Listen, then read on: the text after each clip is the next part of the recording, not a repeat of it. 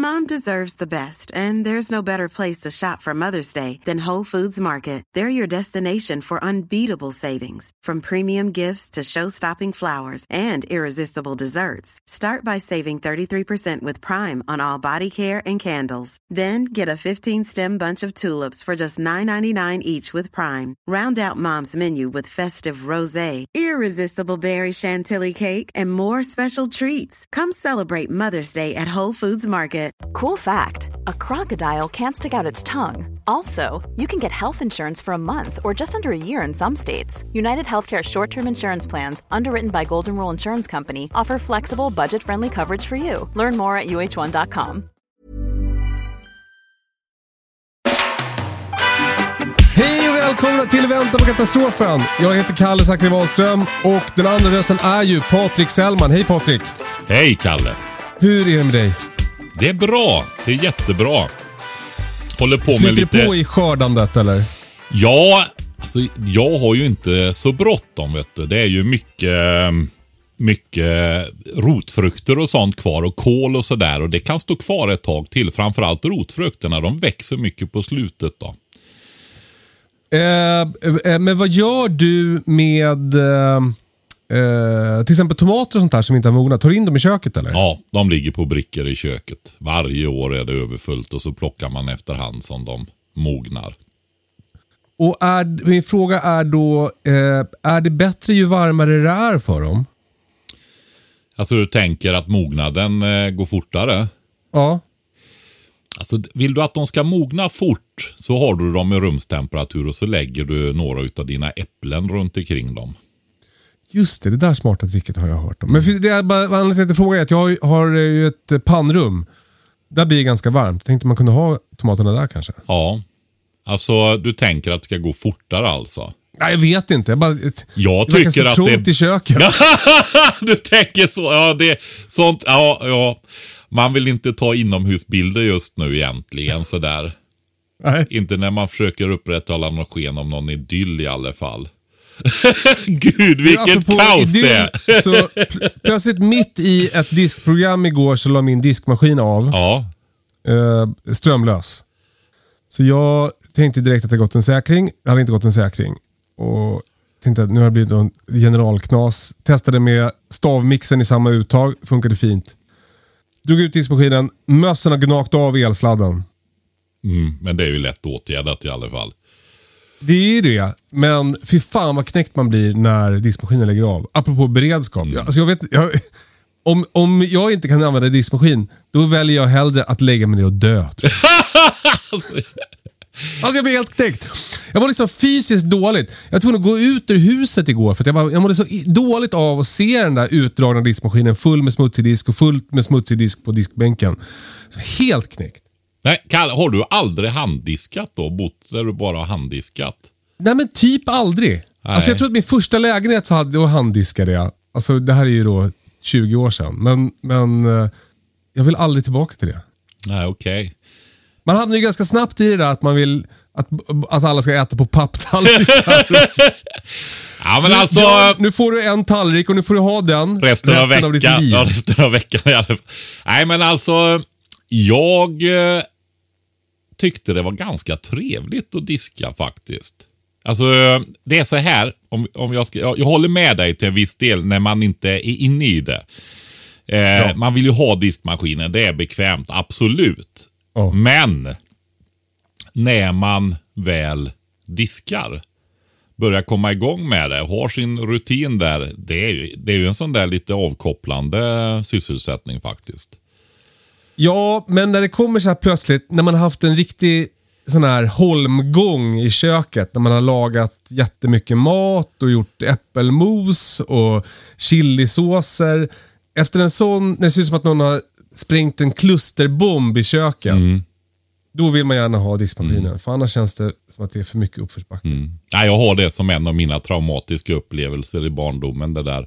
Jag tänker på det med en gång när du börjar beskriva det sådär.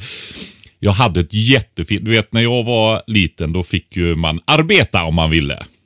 Vi hade ju en mängd olika arbeten som man åkte och gjorde och det var, det var liksom en sån där plantskola då fick man ett beting när ni har satt ut de här häckplantorna här i den här raden på åkern så får ni så mycket pengar och så.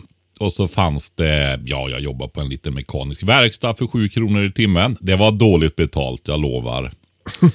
Sju kronor i timmen. Ja, jag har jobbat för sju kronor i timmen. Det är min det, lägsta det kostade ju en bil på den tiden. Nej, så är det inte. Men, eh, nej, men jag stod och sågade ämnen till en annan lite större kille som var utbildad verkstadsmekaniker som stod och svarvade. Jag tror vi gjorde kulventiler och sånt där. Det fanns så mycket mm sådana där små verkstäder för när vi gjorde det mesta i landet. då. Men sen hade jag, mitt kanonjobb, det var faktiskt diskare på Liljedals restaurang. Och på julbord och sånt där då när det var mer va. Då fick man ju komma dit. 25 spänn i timmen. Oj, oj, oj. Fattar du? Och sen, Vad köpte du för alla pengar? Ja, det kommer jag faktiskt inte ihåg. Men eh, då var vi ju jag och min kompis som stod där och diskade. Och eh, sen bytte de ägare. Så kom det en snål jäkel dit alltså. Och då skulle jag stå där efter julborden och diska själv. Och du vet, jag hann ju inte med va. Och du vet, folk Nej. tar ju nya tallrikar hela tiden. Jag skulle Ja. grovdiska. Alltså, Janssons frestelse formar Ja, det är Kalle. tufft. Den är tuff. Ja men det skjuter. Lyckas du komma ikapp något sånär så att liksom de inte får börja ställa utanför köket ungefär. Så kommer det en Janssons frestelseform. Nej, jag gick aldrig dit mer sen. Bra Patrik. Ja. Many of us have those stubborn pounds that seem impossible to lose, no matter how good we eat or how hard we work out. My solution is PlushCare. PlushCare is a leading telehealth provider with doctors who are there for you day and night to partner with you in your weight loss journey. They can prescribe FDA-approved weight loss medications like Wagovi and Zepbound for those who qualify. Plus, they accept most insurance plans. To get started, visit plushcare.com slash weight loss. That's plushcare.com slash weight loss. Hiring for your small business? If you're not looking for professionals on LinkedIn, you're looking in the wrong place. That's like looking for your car keys in a fish tank. LinkedIn helps you hire professionals you can't find anywhere else, even those who aren't actively searching for a new job but might be open to the perfect role. In a given month, over 70% of LinkedIn users don't even visit other leading job sites. So start looking in the right place. With LinkedIn, you can hire professionals like a professional. Post your free job on linkedin.com/people slash people today. One size fits all seemed like a good idea for clothes Nice dress. Uh, it's a it's a t-shirt. until you tried it on. Same goes for your healthcare. That's why United Healthcare offers a variety of flexible, budget friendly coverage for medical, vision, dental, and more. So, whether you're between jobs, coming off a parent's plan, or even missed open enrollment, you can find the plan that fits you best. Find out more about United Healthcare coverage at uh1.com. That's uh1.com. Man ska stå upp mot sånt där när det känns för tungt på jobbet. du, eh, eh, jo Patrik. Eh, eh, vi har ju pratat mycket, eller du har pratat mycket om det här med timpriser på el. Ja. Eh, och att köra eh, tvättmaskin och diskmaskin och sådär på nätterna. Och jag hörde på Ekot häromdagen att de varnar för det nu. Har du hört om det eller? Nej, det vet jag har jag inte hört. Nej, för det är nämligen så att bra, ur brandsäkerhetssynpunkt så är det eh, problematiskt att köra maskinerna när man inte kan ha uppsikt på dem. Ja, men man har ju brandvarnare. Det hoppas ju alla som lyssnar på det här eh, podden. Givetvis har man det. Men det var i alla fall, de gick ut för det. Det var något, någon myndighet som gick ut och varnade för att hålla på och köra eh, maskinerna på nätterna. Jag tänkte att jag ville säga det i podden. bara. Så det får man vara försiktig med. Eh, och sen har jag fått ett meddelande från en kille som tipsar om att man ska eh, preppa lustgas. Det tycker jag var ett smart tips. Vad tycker du om det? Alltså, vad, vad hade han för syfte med det? Eh, bedövning. Okej. Alltså det är en grej som man använder mycket när man föder barn till exempel. Eller man, när de föder barn. Eh, så, så får man ofta lustgas. Och det är eh, väldigt lätt att få tag på. För man kan köpa det. Folk har ju det när de festar nu för tiden. Nej. Jo, det har de. Välkommen till 2022 Patrik. Nu suger vi oss lustgas. Man blir hög i 45 sekunder och sen eh, är allt som vanligt igen. Eh, men så det går ganska bra att få tag på lustgas. Man kan köpa det eh, på internet och eh, han menar då att det är bra att ha. För, för till exempel som bedövning för, för barn och så. Det funkar bra tydligen. Ja. Och det är tydligen också väldigt ehm, eh, ofarligt. Mm. Så det var ett bra tips tycker jag. Ja, när vi ändå är inne på det så kan man väl säga också att eh, Xylocain är ju receptfritt. Vad är det? Det är en salva som är smärtstillande. Okej. Som går, Ja. Det går att använda på många sätt om man har kunskap till det också. Så att det är väldigt, väldigt bra att ha. Med ganska lång bra. hållbarhet också. Man kan ju blanda det i tandkrämen om man har tandvärk till exempel. Ja, men om du tänker att du behöver göra någonting med huden till exempel så kan du ju få det hyfsat lokalbedövat där i alla fall så att det hjälper. Så Xylocain är bra att ha för de som eh, är på den nivån att de har lite större medicinförråd. Då. Så är det det. Det är en grej som är eftersatt hos mig. Ja, Jag får ryck och köper massa Ibuprofen ibland och sådär. Men, men det, det, är- det är svårt. Jag har för lite kunskap själv tror jag. du får prata med din eh, Andreas. Ja, exakt. Som ju lyssnar på podden. Han gifte sig i helgen förresten. Grattis till honom. Gratulerar. Ja, ja, det var ett väldigt fint bröllop. Eh, du Patrik, vad händer annars i, i, hemma hos dig? Vad, vad pysslar du med just nu? Nu, eh, förutom att jag försöker hjälpa dem här och göra upp eh, det här nya potatislandet. Du vet, vi har ju kört sån här... Eh, ja, men jag kör hos ett antal vänner, grannar, upp ett potatisland.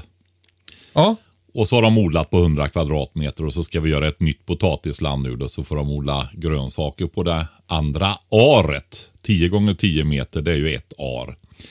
Så eh, utökar vi det och ska göra det i 4 till 5 år. Så de får stora land att odla på sen då. Va? hur fan vad fint. Eh, så det gör jag. Men annars här hemma så försöker jag få till en vedbod. För du har ju ingen ved, nej. Jo, det har jag. Du berättade ju i något podd att du inte hade ordnat ved Patrik. Ja, men nu har jag ju gjort det såklart. Ja, nu har du ved. Jajamensan.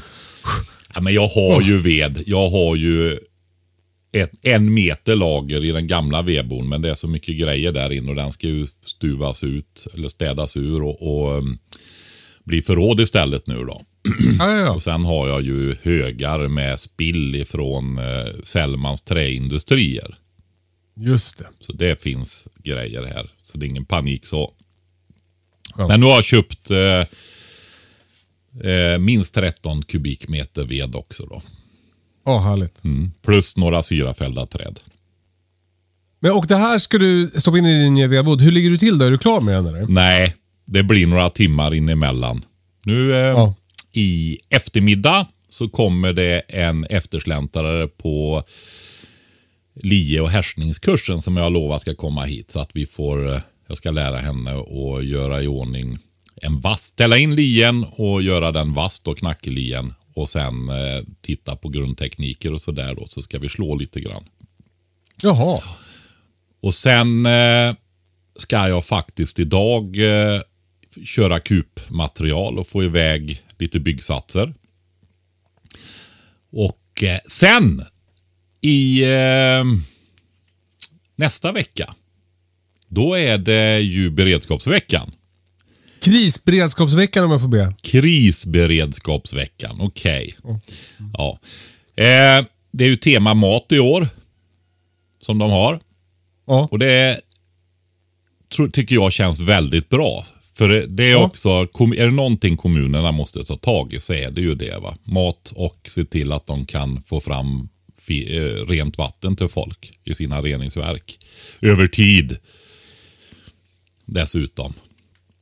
Men eh, jag har inte fått några tider än och platser än. Men det är måndag, tisdag, onsdag jag ska iväg och jag ska hjälpa Länsstyrelsen med eh, att ha Ja, jag har bett att vi ska köra samtalsföreläsningar så hon som är ansvarig för det här på Länsstyrelsen och jag kommer att sitta och prata om det här helt enkelt på scenen. Jaha, vad spännande. Ja. Som en podd fast utan mig. Ja, men precis.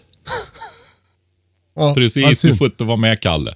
Ja. Men eh, också i dialog då givetvis med, med publiken då. Så eh, bor ni i närheten och vill åka en bit till de här platserna så är ni jättevälkomna då. Så, Var är du någonstans då? alltså det är Torsby, Sunne och Arvika kommer jag att vara i. Torsby måndag, Sunne tisdag, Arvika onsdag. Ja, jag vet faktiskt inte. Vi får se. Ja, det, Om man vill ha mer information här så får man väl googla antar jag. ja jag kan. eh, Jag lägger ut det på mitt eh, Instagramkonto. Smabruk.se. Smabruk.se. Ja men vad kul Patrik. Eh, Vad fint att du åker ut och missionerar och höjer beredskapen i landet. Ja, precis. Och jag tycker ju att man har ett extra stort ansvar lokalt. Jag ska ut och hålla ett ideellt föredrag också. Men det blir längre fram. För senioritorna i Sunne. Vad är det? Kyrkans, det, är en, ja, det är äldre kvinnor som träffas, pensionärer och fikar och, och sådär. Och då har de frågat ifall inte jag vill komma och prata om beredskap för dem. Lite ögongodis för tanterna eller? Kalle, Kalle, Kalle. Vi vet båda att det är sant.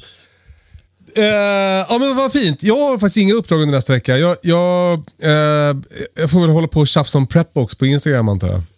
Ja, men det gör du väldigt bra det. För det, ja, men jag tänker att nu är det, om någon gång, så är det ju viktigt att folk skaffar det där alltså. Som en del av sin beredskap. För jag har tänkt, vi, vi kör ju, det har ju varit mycket småbrukande och så som vanligt som det blir under själva säsongerna. Det, vi har ju det året runt givetvis, men det blir ju som nästan bara det under själva säsongerna då. Va? Men eh, alltså, det är väldigt, väldigt viktigt för att folk fattar det här att de har ett utrymme att förbereda sig på nu. Alltså tittar man på hur matpriserna har dragit iväg. Det där det är ju sånt som beror av ökade energipriser, drivmedelspriser och sådana grejer. va. Konstgödsel, ja, som beror av energin då givetvis. va. Men nu är det ju så här att det har varit jätteproblem med skördarna i år. Och det vis, kommer ju att visa sig nästa år när den maten då ska säljas. Så nu kommer du också att få en prisökning för att det är brist på en hel del saker. Va? Så att eh, priserna kommer att dra iväg ännu mer.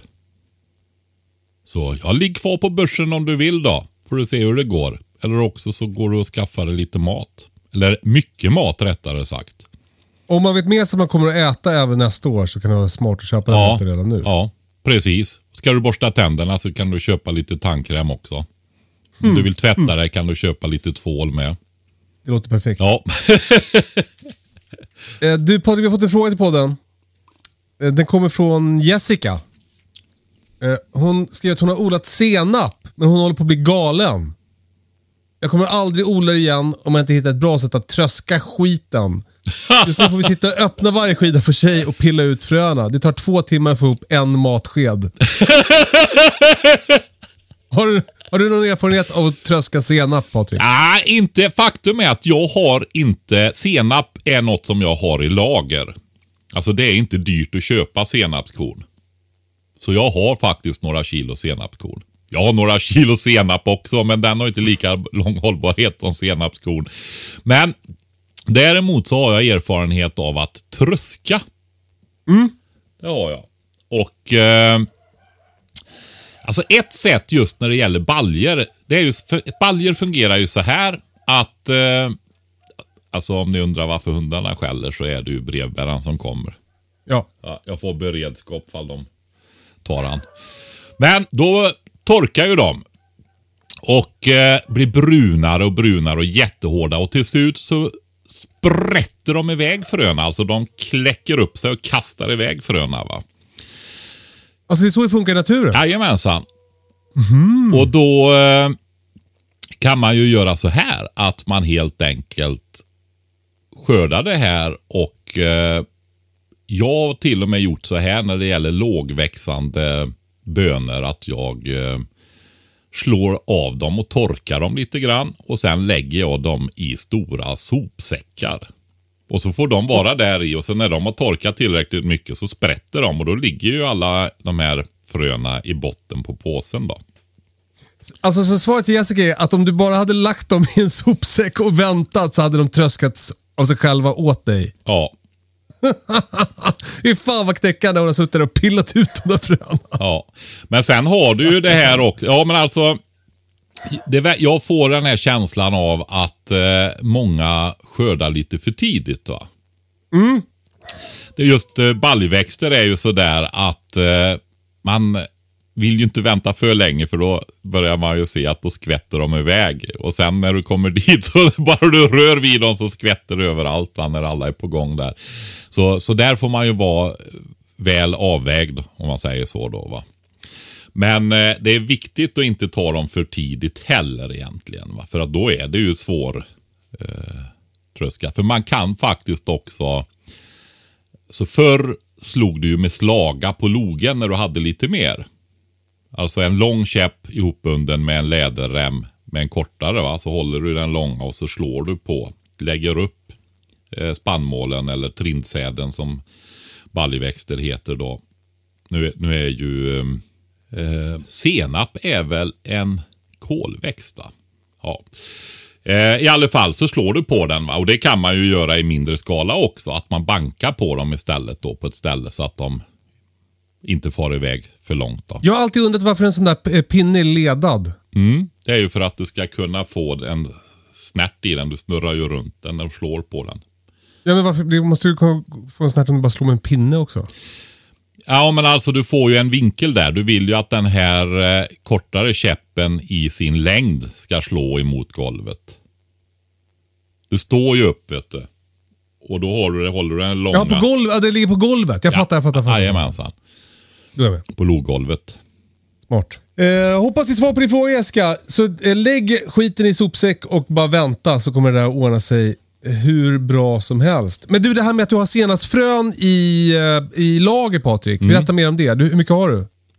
Jag vet inte exakt. Alltså du vet, jag har ju hållit på väldigt länge med det här och så köper man just hela frön, hela kryddor och sånt har ju väldigt, väldigt, väldigt lång hållbarhet. va.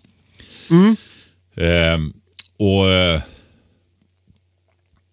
Ja men alltså det är väl några kilon. Jag, du, alltså, du vet, jag, är ju inte, jag vet att jag har ganska mycket av en del saker och så. Så att det, fin, det finns så det räcker. Det fin, jag Det kan ju börja det- odla senap också om, man, om det skulle ta slut då. Ja just det, de här fröna kan ju också bli utsäde. Ja men du vet det är så här Kalle, jag har ganska mycket ärtor. Ja. Ja, jag måste ju ha senap till ärtsoppan fattar du väl? Ja, det fattar jag verkligen. Ja. Det låter som att det kan bli lite letande efter de här senapsfröna om du blir sugen på senap. Nej, så är det däremot inte. Men jag, Ah, okej. nej, men jag är ju inte den där vet du, som har skrivit upp allting i lister. Just det. Utan jag har ju de stora viktiga grejerna, där har jag ju jag vet hur mycket jag vill ha utav dem då, så det, det har jag ju. Salt och Gött. socker och kikärtor och bönor och ris och sådana här grejer då. Du, det här får faktiskt mig att tänka på en, en fråga som, jag har inte den framför mig nu, men jag fick den för några veckor sedan. Det var en kille som, han kände sig så stressad av att lyssna på vår podd. Han, han får ångest över, inte av, kanske så mycket av min beredskapsnivå som av din beredskapsnivå. Att det känns som att det är svårt att liksom leva upp till Ja, men det kan Det man väl som- inte göra, utan man, det är ju så här att, ja men det är ju lite det där allt genast.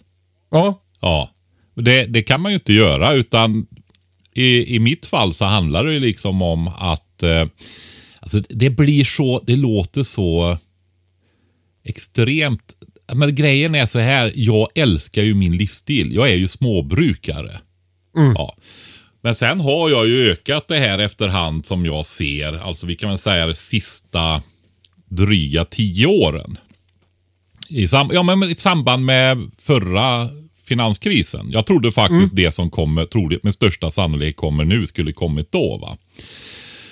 Och sen eh, såg jag att de lyckas ju skjuta detta framför sig genom att trycka helt absurda mängder med pengar. va.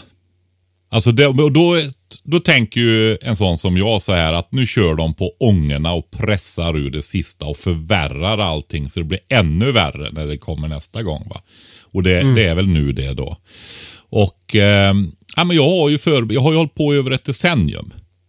Saken är så här att man måste börja med första steget. Man måste vara långsiktig. Det är ju det där jag säger att jag kör tioårsprojekt. Ja. Och eh, det, det är ju liksom det vanliga att man människa överskattar vad man hinner på ett år.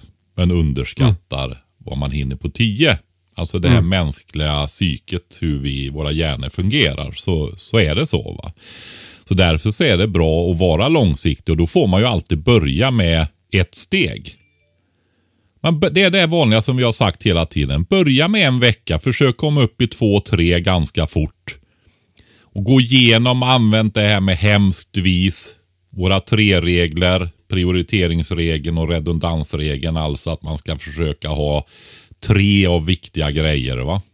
Ja. Ehm, så att man kan upprätthålla de funktionerna då. va. Jag köpte bara en extra elsladd till eh, diskmaskinen. Ja, ja, ja, jag trodde du skulle säga bara köpt en extra visp. De som har lyssnat på podden förstår internskämtet. Men du, eh, ja, det är väl lite som en träning då. Att man, man ska liksom tänka att man blir eh, eh, världsmästare i crossfit för, när direkt man börjar träna. Eller att man får rutor på magen dag ett. Utan att det är en... Man måste börja någonstans. Och sen får du ju titta också.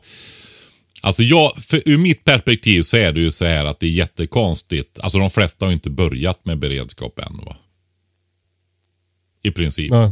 Och jag, ja, men jag pratade med en äldre man här. Han är äldre än mig till och med. Inte, Oj. det är ju inte svårt att hitta i och för sig. Jag är ju inte så jättegammal. Bara, grått, bara ett stort grått skägg som gör att jag ser lite äldre ut. Eh, men hans, han, han, eh, hans fru hade börjat då med, när kriget var. Men han tyckte det var, var ju skeptisk. Och, men jag sa till honom så här, Alltså vilket krig? Ukraina. Ja, ja. Mm. Det var ju många som... Ja. Det, det märkte ju vi med Prepox bland annat. Ja, verkligen. Hur länge då? I två veckor? ja, sen, ja, sen var det normalt. Alltså folk är roliga. Men i alla fall, ja, men jag sa till han så här, ja, men du lever ju i ett just in time-samhälle. De flesta människor är ju väldigt konkreta. De har svårt att tänka i mönster och, och abstrakta sammanhang och se och så vidare. Utan de ska hålla i saker. Va? De är som du, Kalle. Eller hur? Ja, ja, men så är det. Jo, men så är det ju. va. Och jag, jag- jag skulle gissa på att det är 80 procent av befolkningen i alla fall. Va? Man brukar när man tittar på personlighetstyper och sådär så hamnar man där i alla fall. Och då säger jag så här, när du ser det här och alla andra ser det samtidigt. Ja men då fint, då har du ingenting, du kommer inte åt något. För alla ska ju ha det, alla som är som du. De flesta. Ja. Det funkar inte. Och varför gör du inte nu? Då, liksom, du vet, de skruvar på sig. Ja, men de, de är besvärade av det, liksom att det är lite skämmigt. Och då sa jag så här. Ja, men fattar du hur det är? När du står här som äldste familjefar för barn och barnbarn och så vidare och skäms över att ta ansvar för din familj. Du ska ju skämmas för att du inte tar ansvar för familjen. Verkligen. Ja. Det är liksom... Eh, det är inte okej va? Det är inte Nej. det. Och, Vet du på honom då? Ja, det tror jag. Han tyckte nog jag var extra. Det här är ju en människa jag har känt i över 30 år. Ja. Ehm, så det, det tror jag absolut att du är. Och Nu sa jag ju det extra hårt. Så hårt säger jag ju inte. Jag är ju ganska snäll. Försöker vara ganska snäll i alla fall. Och, men alltså, man måste förstå det här att alltså, hälften av kommunerna, de jobbar säkert på nu, för nu har ju Livsmedelsverket varit och sagt till dem. De har inte ens haft en plan för livsmedelsförsörjning för sin egen verksamhet när de ansvarar för gamla, sjuka människor och så vidare. va. Många som ligger ute. De har inte ens haft plan för det. va. Tro inte att någon annan hjälper dig. De gör inte det. De kan inte ta reda på sin egen verksamhet ens en gång. Nej. Och det är basen för hela ditt lands, dina barn och barnbarns land. Att hushållens beredskap, det är basen för beredskapen. Se till att ha det. Det är bara att sätta igång. Börja första steget och så fortsätter du för att stökar det till sig nu så kommer du inte ångra någonting av de förberedelserna. Eller stökar det till. Vi är ju mitt uppe i. Vi skulle byta namn, Kalle. Mitt, Välkommen mitt- till katastrofen. Nej, ja eller mitt i katastrofen eller något sånt där.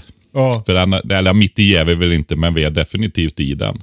Ja, men alltså, även om det, det är väl det där att även om det inte, även om det inte går på, fullständigt på röven så du, man ångrar ju aldrig att de här tandkrämstuberna. För att det är så jävla skönt att slippa handla. Jo, men alltså, jag sa ju det bland de första programmen där att det har ju i princip aldrig blivit billigare. Det går ju bara åt ett håll med priserna. Nu har ju alla det här penningtryckandet börjat gå över till tillgång, eller säga till konsumtionsmarknaderna också. De har ju varit i tillgångsmarknaden och pressat upp priser på aktier och fastigheter och mark och sådana här grejer. Va? Men nu spiller det över i, i konsumtions... Det som de kallar för inflation nu för tiden. Det andra är ju penningtryckande i sig är egentligen inflation. Va? Men det, det har de ju... För att kunna hålla på med det så, så har de ju tagit bort det. så, de, så de rika har kunnat ta pengarna och bygga upp eh, stora tillgångar istället. så är det. Oh, upplyftande. Ja. Du, eh, nu måste vi börja prata om något mer konkret Patrik. Eh, eh, vi har fått en fråga från Madeleine. Eh, hon undrar om det går att ha kötthöns, hön, kötthönsraser och ge eh, något annat än sånt där industrifoder. Mm. Va, Jag ska- vad, vad säger du om det? Ja, men absolut. Eh, nu, alltså kötthönsraser. Eh, alltså broiler. Om vi, Broiler? ja, om vi pratar om broiler så nej.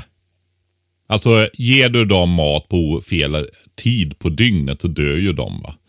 Nästintill. Det, det var, det var, jag vet inte om jag berättade det, men jag var ju köpte några rostfria bänkar hos några som hade haft kötthöns. Ja. De sa ju det, att de dog ju hela, de dog ju hela tiden så fort de fick fel foder. Ja. Eller på fel tid. Ja. Alltså, det var ju helt sjukt. Ja, men det är liksom så här Formel 1, Formel 1 va. Du har det här, det är ju ett extremt djur va. Jag tror tupparna där eh,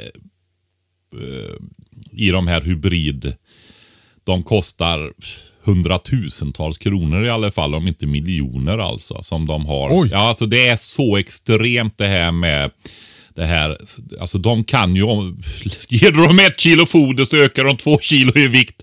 Nej, det gör de. Men alltså de är så bra på foderomvandling va. Och, eh, Och att äta väl? ja men precis va. Och har de dem för länge innan slakt så bryter de benen för de blir för tunga och sådana där grejer va. Men jag vet att det finns, eh, jag har ju en här som är jätteduktig på att föda upp just broiler.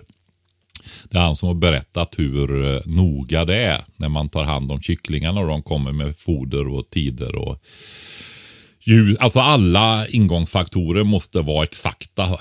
Men sen har låter han dem växa långsammare. Han optimerar inte. Om du tänker en industri så har du en lokal.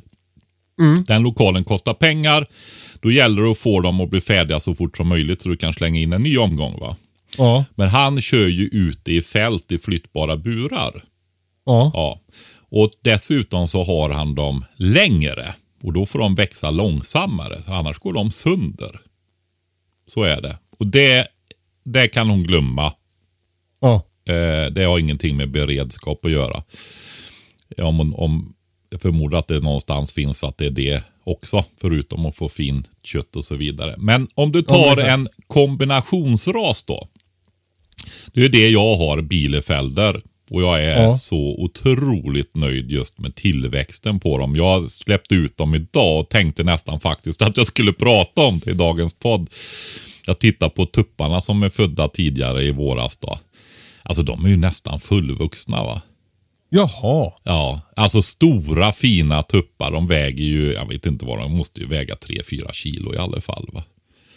Är det dags att slakta då? Och de har, ja det är det. Det är ju jag som inte hinner med. Jag hade kunnat slakta dem tidigare också. Men nu ska jag ju ha eh, sista småbrukarkursen här i helgen. Ja, det har jag inte sagt heller. Det skulle jag ha gjort på förra, där när vi berättade vad vi gjorde. Men då ska vi ha tillvaratagande nu då.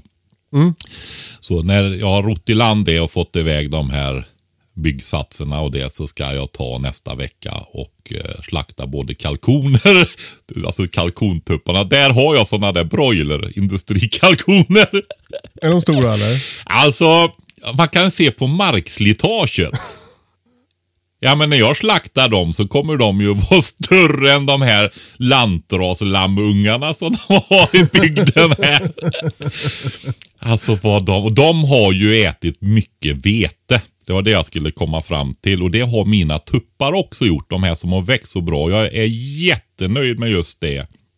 Alltså, du kanske inte kan ha bara matavfall och, och gräs och bete och insekter och lite så här va lite grönsaker och sånt där. Utan man får ju åtminstone ha spannmål. Ja. Men spannmål är ju hyfsade priser på om man köper direkt av bönderna. Så är det. Så, så ska man ha en kombinationsras så att det ska komma upp i någon vikt så får man komplettera med, eh, med spannmål då. Vete och havrekorn. Jag tycker att jag har sett skillnad på äggproduktionen när jag ger eh, eh, bara vete eller sån här köpesäck från granngården. Jag tycker att de värper bättre på köpesäcken. Ja, men det gör de. Därför att bara spannmålen ehm, ger inte fullvärdig kost. Då. då kan de inte producera ägg på samma... Och Vi kan väl säga så här. Eh, har du mer, om vi går över på de här extrema eh, broilers då, igen då, fast värpebroilers, så är det väl i princip så här att om du inte ger dem det här fullvärdiga fodret som gör att de vä- värper i princip mer än ett ägg om dagen nästan i snitt, va? Så, eh, så värper de ingenting istället. Eh, och det är ju det som är fördelen med kombinationsraserna, de äldre raserna, lantraserna här, att eh, du kan få dem att värpa ganska bra. Inte som hybrider och, och, eller broilers då. Men, eh, ja, bra med ägg om du ger ett sånt här fullfoder då. va. Och det gör ju, gör ju många.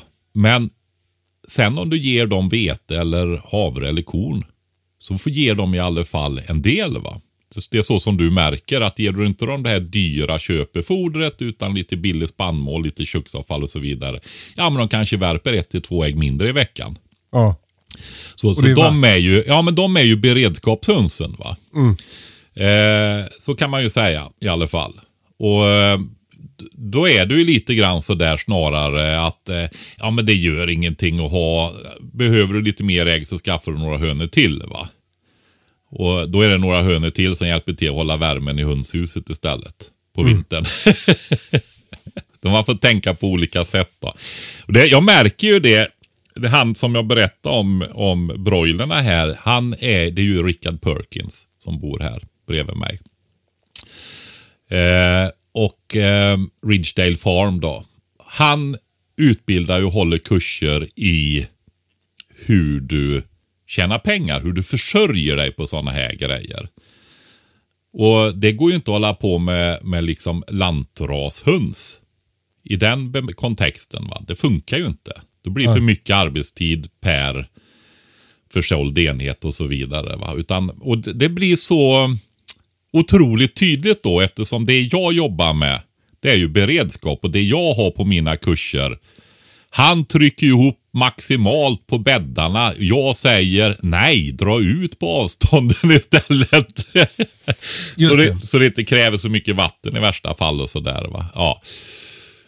Och att du kan eh, rensa större mängder enklare med redskap och sådana saker. Då. Ja. Så det är helt enkelt olika tänk. det är helt olika tänk är det.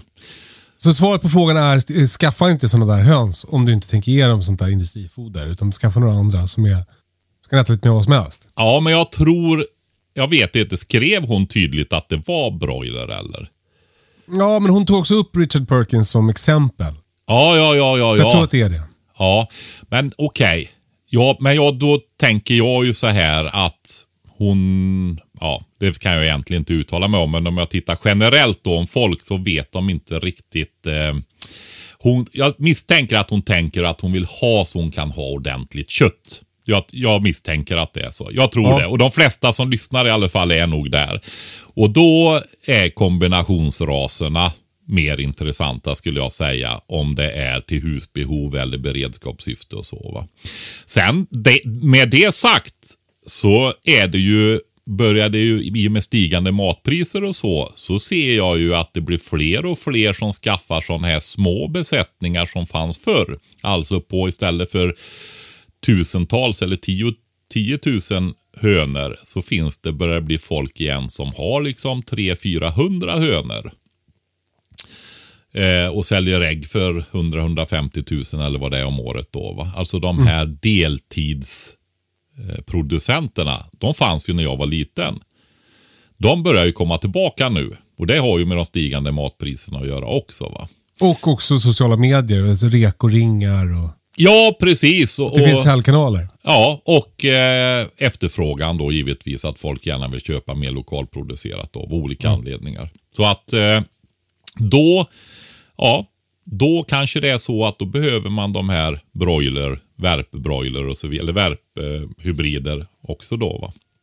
Så eh, man får bra foderomvandling för då får du ju köpa det här fullfodret och så vidare och då måste de verkligen ta vara på det och det gör de bättre än en lantras. Så är det. Vi går vidare! Ja.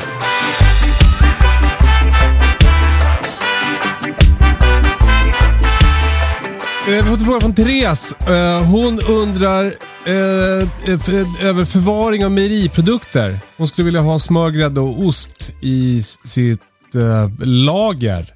Och då, det här har vi pratat om tidigare Patrik, men jag tänker att det är bra för lite repetition. Vad går bra att frysa? Alltihopa. Ja, däremot så är det väl så här. Jag tror det blir svårt att vispa grädden om man vill ha fluffig. Men vill du liksom ha grädde i soppan till exempel och reda av och göra såser och sånt där så går det alldeles utmärkt. Det är otroligt. Ja, smöret och- är ju, och- och- säger vi, du ska ju alltid ha helst 20 eller 30 kilo smör i frysboxen och lägga i botten. Alltså nu, om, idag får man ju ta ett lån om man ska köpa 20 kilo smör. Ja men du, tror du jag är glad över mina lager då? De, det har ju dubblat priset på smör alltså. Ja. Man blir ju lite, jag gick in och tittade här för några veckor sedan och liksom höll på att dratta omkull. Ja men vad fan, det är väl, är det 180, 160 kronor kilot eller vad kostar smöret? Alltså jag tänker, så, det är, jag tänker ju innehåll direkt. Men jag ska betala grova pengar för en, en video när du går runt och ojar dig i en mataffär.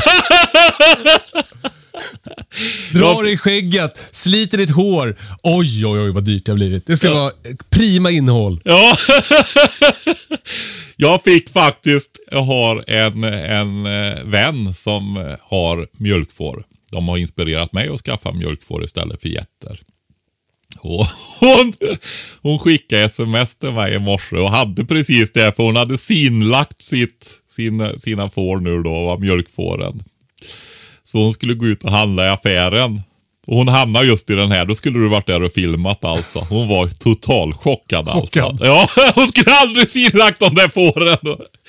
Men, eh, kan, kan man göra smör på fårmjölk också? Ja, det är ju smörfett, det går ju. Absolut. Ja. Du har ju mycket mer fett i, i får, men oftast gör man ju ost på den. Just det. Så, Eh, och ost kan man ju också lagra bara alltså, eh, i jordkällaren. Smör sa du det, eller ost? Ost. Ost, ja precis. Ost, det vet du, man river ost och fryser och har till pizza och så vidare, överbliven ost och sånt där. Det går ju alldeles utmärkt. Ja, men jag vet också att det är jättepopulärt att man köper en hushållsost, stoppar i jordkällaren, så får den vara där i tre år och sen är det en jättegod cheddar. Typ. Ja, inte riktigt. Men eh, visst, min pappa han eh, gjorde alltid en julost. Som han eh, gick och vände på då. ju- Just utifrån en billig hushållsost då va. Ja. Så blev väldigt smakrik. Och det är många, det där är ju, finns Facebookgrupper om man är intresserad av sånt där. Som, där de håller på och just lagrar ostar och köper billiga och så lagrar hemma då va. Så, eh, så det går absolut bra att göra det. Men det går också att frysa då. Ja. Och, och pulver och sånt då? Är det något som vi håller på med? Alltså det man ska tänka på när det gäller pulver, det är ju att du vill ha ett eh, med lite fett i. Om du ska ha väldigt lång lagring på det då. Va? För annars, eh, alltså i det korta perspektivet så kan du ju ha just så här att du har i frysboxar eller i något svalare utrymme eller sådana här grejer. Va? Och roterar det här. Då, Ja. då täcker du ju in månader i alla fall. va.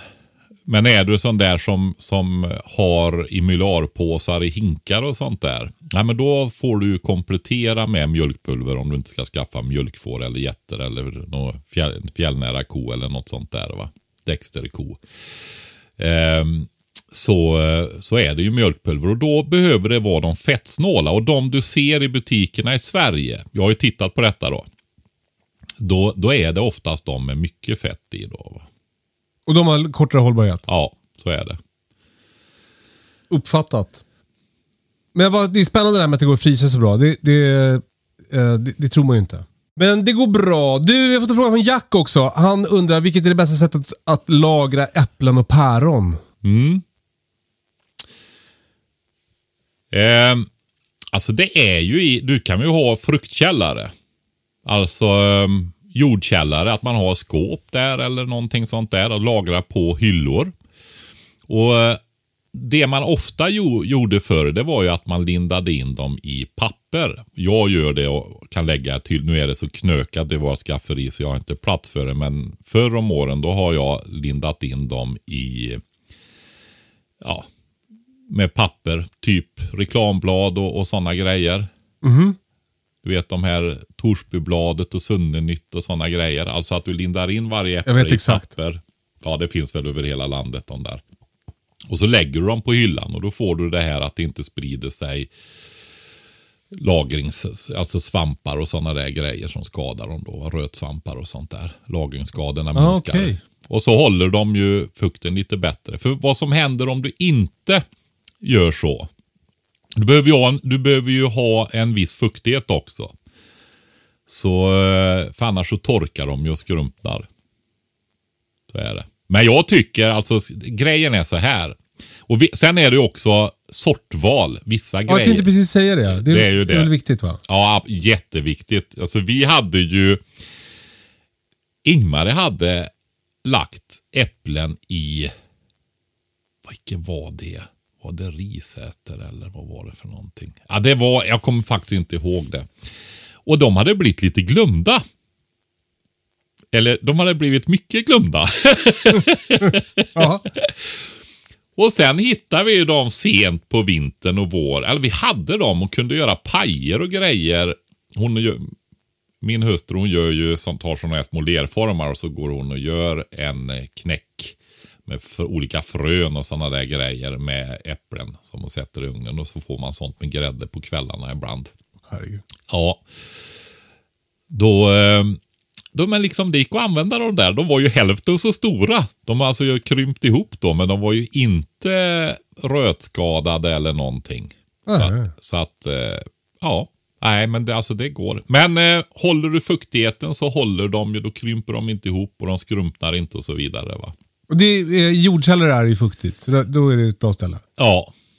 Jag har tittat på, eh, nu kommer jag väl att bygga jordkällare i alla fall här då va. Men eh, jag tittade ju på Fädja. Och eh, det finns ju en i glasfiber, alltså en båtbyggare uppåt landet som bygger och gjuter. Fördelen med dem är ju att de väger ju 300 kilo så du kan ju köra dem på ett vanligt släp. För att ska du köpa en färdig betong, alltså det blir dyra frakter då. Så är det ju. Eh, men där kunde du välja längst in och ha ett fruktskåp, ett äppelskåp med hyllplan. Okej. Ja, den är ju rund då va. För, för en rund kan ju ta upp jordtrycket bättre. Än en fyrkantig va. Och eh, eller en potatislår då. Längst in. I tuben om man säger så. Va? Så det, det är jordkällare som är bästa kan man säga. Men och vad är det för speciellt med det här fruktskåpet då? Är det bara till eh, hyllor eller är det liksom... Alltså Är det man, något kan ju är tänka, speciellt med det? ja, man kan ju tänka sig också så här att om du har det som ett skåp, alltså att du har en dörr, så får du lite högre fuktighet där inne, skulle jag kunna tänka mig då. va. Ja. Så är det. Om du lyssnar på det här och säljer färdiga jordkällare, se till att sponsra Sveriges största eh, eh, eh, beredskapsinfluencer, Patrik Sellman. Ja men bra. Jag har ju också gjort väldigt mycket mos, höll jag på med igår. Det är ju ett bra sätt att, få- Dacia Duster har inte hört av sig än du. Vad sa du? Dacia Duster. Dacia, De har inte det? Nej, de har Ja, inte hört sjukt. av sig än. Jag vet inte hur många sådana bilar jag har sålt alltså. Ja, det är helt otroligt. Jag måste vara landets bästa Dacia Duster-försäljare. Så jag måste prata om mitt äppelmos nu. Ja, okej. Eh, nej, men för det är ju, det är ju toppen sätt att lagra äpplen också. Eh, jag jag eh, har tidigare testat att, att konservera. Jag tycker att det blev lite mycket jobb och lite, det pyste ut så mycket äppelmos i burkarna som blev halvfulla. Men, men, eh, eh, så nu fryser jag i år. Eh, fryser in äppelmoset. Men du körde du i tryckkokaren då eller? Mm.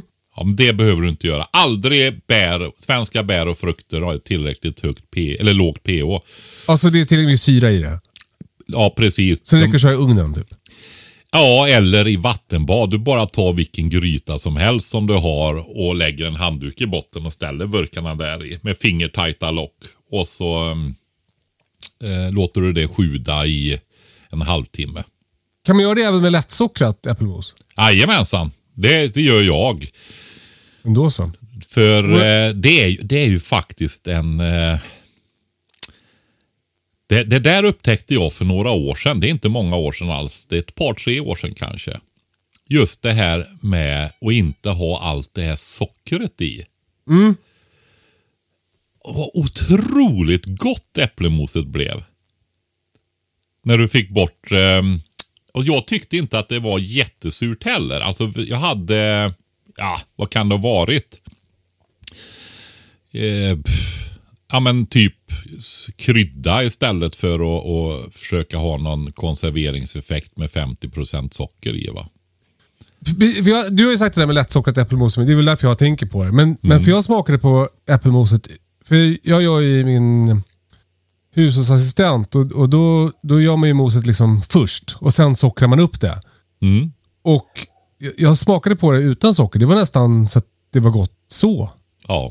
Så jag behöver inte ha i så mycket socker för att det, det ska bli gott. Men barnen gillar ju bättre när det är lite sötare. Men... Men om du har det till gröt och sånt där. Eh, så, eh, ja men alltså du behöver inte ha så mycket. Men jag kanske ska revidera lite då. Att om du har mindre socker i, ja men låt dem sjuda lite längre då. Kör 40-45 minuter kanske. Men Ja. det är ju det där med tider och sånt. Alltså, jag kan inte det, men du skadar ju vissa som C-vitamin till exempel. Eh, man skadar ju dem med tider. Så är det. Ja. Så um, är man rädd om dem då finlirar man ju i nederkanten istället. På det. Om det ens går när man håller på med den typen av konservering. Men jag, jag, jag kan tyvärr inte det. Kanske, det kan vi ju lägga ut en fråga för vi har ju så många lyssnare och det finns säkert de som, som kan sånt där. Man har en chans att rädda C-vitaminer överhuvudtaget när man jobbar med konservering. Tänkte Ja. på det, jag konserverade ju i tryckkokaren. Alltså grönsaker måste du köra, eller måste du... Ehm, det är bra att köra dem i tryckkokaren då eftersom de inte är så den här surheten som bär och frukter har. Va? Eh, och då får vi inte plats med grönkålen i, i eh, frysboxen. Så då tänkte vi för första gången, vi har aldrig gjort det förut, konservera grönkålen i try- med eh, tryckkokaren. ja, du nämnde det. Har du smakat på det nu eller? Ja, det har jag gjort. Ingmar gjorde soppa på den. Hur blev det? Ja, det blev helt fantastiskt bra. Och den ser, om man tittar på den igenom så liksom, den är ju inte sönderkokt eller så heller. Alltså. Så jag, jag ska ju testa att göra långkål eh, på den också då. va. Så eh, får vi se hur det går. Alltså, du får, det är ju en del vätska i. Eh, Det här blancheringsvattnet eh, som hon hade i den här kokerytan då, ved, vedkokerytan då. Det är ju med i burkarna va. Och det, det. jag ska se om man kan reducera bort det i stekpannan. Och få till långkål på det också, för det är viktigt. Ja, det är viktigt. Du, eh, Jack undrar över päron också. Vad, vad, är det något, någon skillnad där? Ja, alltså det är ju återigen det här med sorterna då. Det är ju så. Men eh, vad jag vet så är det, är det samma som du gör Ja. där. Men sen är det ju, när det gäller frukterna så måste man ju också säga det här. Va? Vi har varit inne på mos. Men du kan ju också göra äppelringar.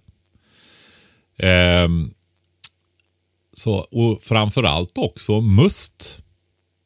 Eller cider och det går att göra på både, eller vin då som vi hade för några avsnitt sedan här.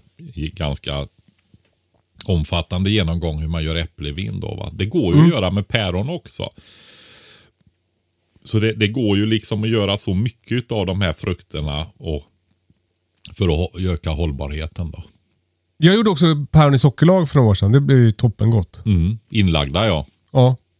Det är... Eh, vi har ju ett träd där vi har Esperens herre, Göteborgs diamant och gråpäron. Och de är ju suveräna just till det här. Så vi har gjort några burkar och samlar efterhand som de kommer ner till oss päronen. Så plockar vi in och lägger in då. då.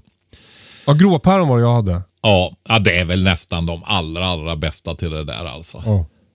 De har ju så litet kärnhus också så du kan ju behålla skaftet på. Så när du tar dem liksom så bit, de är ju små också då så kan du bara bita av och så har du skaftet kvar och så kan du slänga Mm. det. Äter upp kärnhus och alltihopa. Och där är det ju, ja men du kan göra saffranspäron, vaniljpäron, kanelpäron, du kan göra konjakspäron, vinpäron, alltså lingonpäron. Det finns ju hur mycket som helst. Va? Och det är ju lite, det är sånt där som man är van vid sedan man var barn. Typiskt, eh, eh, ja du vet, man har väl fått ett och annat med after eight på också. Ja. Som barn Ja, det gjorde jag faktiskt. Jag hade dem 70-talet. Du hade det? Ja, alltså mest som en... Jag, var, jag levde inte på 70-talet, men det var mer som en, eh, en hommage till en svunnen tid. Ja. Precis. Det blev jättegott. Vispagräddar. Ja. ja. Det är eh, klart värt att göra, lägga ner sig på det. För då har du ju desserter som du kan bjuda på hela vintern i princip. Det är det. Mm. Ja, härligt. Du, eh, jag blir så hungrig av allt det här snacket Patrik. Jag käkar havregrynsgröt till frukost, så att jag håller på att svälta ihjäl nu. Eh, så vi slutar för idag. Eh, stort tack för att ni lyssnar. Eh, fortsätt mejla hej katastrofen.se. Vi hinner svara på så mycket frågor vi hinner med. Uh, fattar det kort så är det större chans att uh, frågan kommer med i podden. Mm, men jag tänker, vi har, vi har inte... Alltså det här med ljudfrågor har ju försvunnit. Jag tror vi ska komma Ja. med en påminnelse där. Det är väldigt Bra. roligt när folk spelar in en ljudfil och skickar till det här hej ett katastrofen. Verkligen. Det är ju svinlätt. Om man har en iPhone till exempel, då, då är det bara att spela in i röstmemo-appen och sen trycka på eh, dela-pilen och eh, mejla till hejkatastrofen.se. Svinenkelt. Och mycket roligare för oss att spela upp i podden. Så Men, men, tänk på, alltså det är, eh, vi, vi får ju ibland ljudfiler som är på 5-10 minuter va. eh, ja, de skickar jag inte till dig, Kalle. Alltså det är mer en ljudmonolog. Ja, men precis. Det är ju som om jag skulle ha spelat in en fråga som måste Precis. förklara och berätta och, och sådär va. Så att, Det finns en anledning till att jag är med i den här podden. Eh, Så eh, fatta dig kort. Även om, oavsett om du skriver eller om du spelar in en ljudfråga, så fatta dig kort. Så blir det mycket lättare för oss att eh, administrera det. Eh, eh, men om du måste skriva långt så gör det. Vi, vi är gärna här och lyssnar på dig och din, din livshistoria. Eh, eller Patrik är, det är han som sköter mejlen. Ja, det var inget mer. Gå in på prepbox.se om du med ett enkelt knapptryck vill klicka hem eh, en god beredskap för dig och din familj. Eh, vi har alla lådor i lager just nu, tror jag. Vi kommer också lansera en ny produkt snart. Det ser jag väldigt mycket fram emot. Jag tror att ni som lyssnar på den här podden kommer tycka att den är extra spännande. Men vi återkommer eh, kring det. Det är några veckor kvar. Så ni får vila på hanen. Eh, ja, ha det så bra! Vi hörs sen. Puss, hej då! Hej då!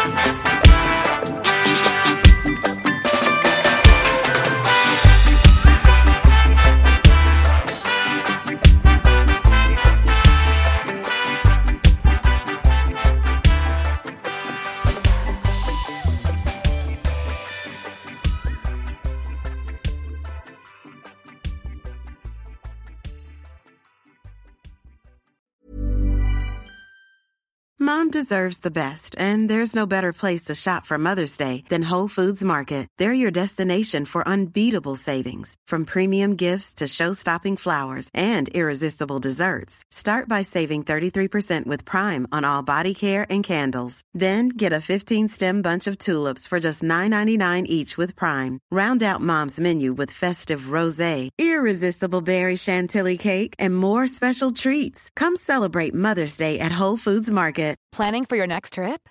Elevate your travel style with Quince. Quince has all the jet setting essentials you'll want for your next getaway, like European linen, premium luggage options, buttery soft Italian leather bags, and so much more. And is all priced at 50 to 80% less than similar brands. Plus, Quince only works with factories that use safe and ethical manufacturing practices.